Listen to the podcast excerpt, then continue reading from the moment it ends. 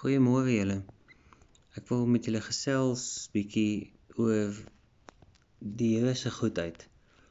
Klaagliedere 3 vers 22 en 23 sê en ek lees uit die Bybel vir almal. Die Here doen altyd wat hy beloof het. Hy is altyd jammer vir mense wat swaar kry. Here, U doen dit elke nuwe oggend. U bly altyd dieselfde.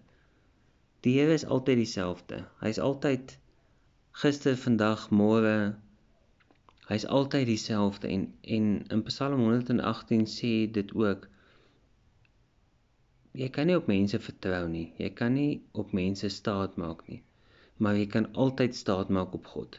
God is 'n 'n God van sy woord.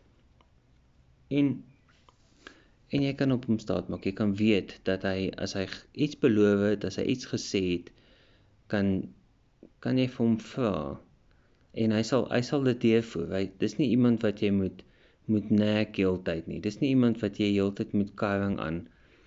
Here wanneer nou, wanneer nou nie. Ek weet die Here het sy eie tyd, sy eie dinge. Maar dit wat hy beloof, dit wat hy in sy woord sê, dit gaan gebeur.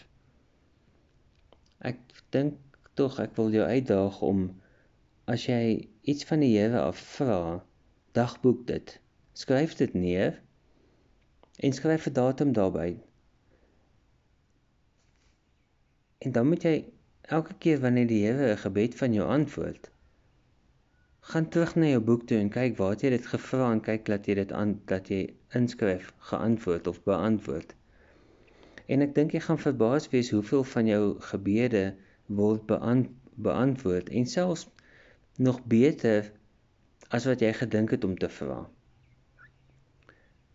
Efesië 3:20 sê dit so mooi. Die Here gee vir jou soveel meer as wat jy kan dink om te vra.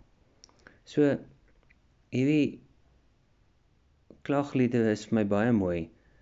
Dit sê net vir my, die Here is altyd by jou. Hy's hy's hy's hy's hy regte Vader.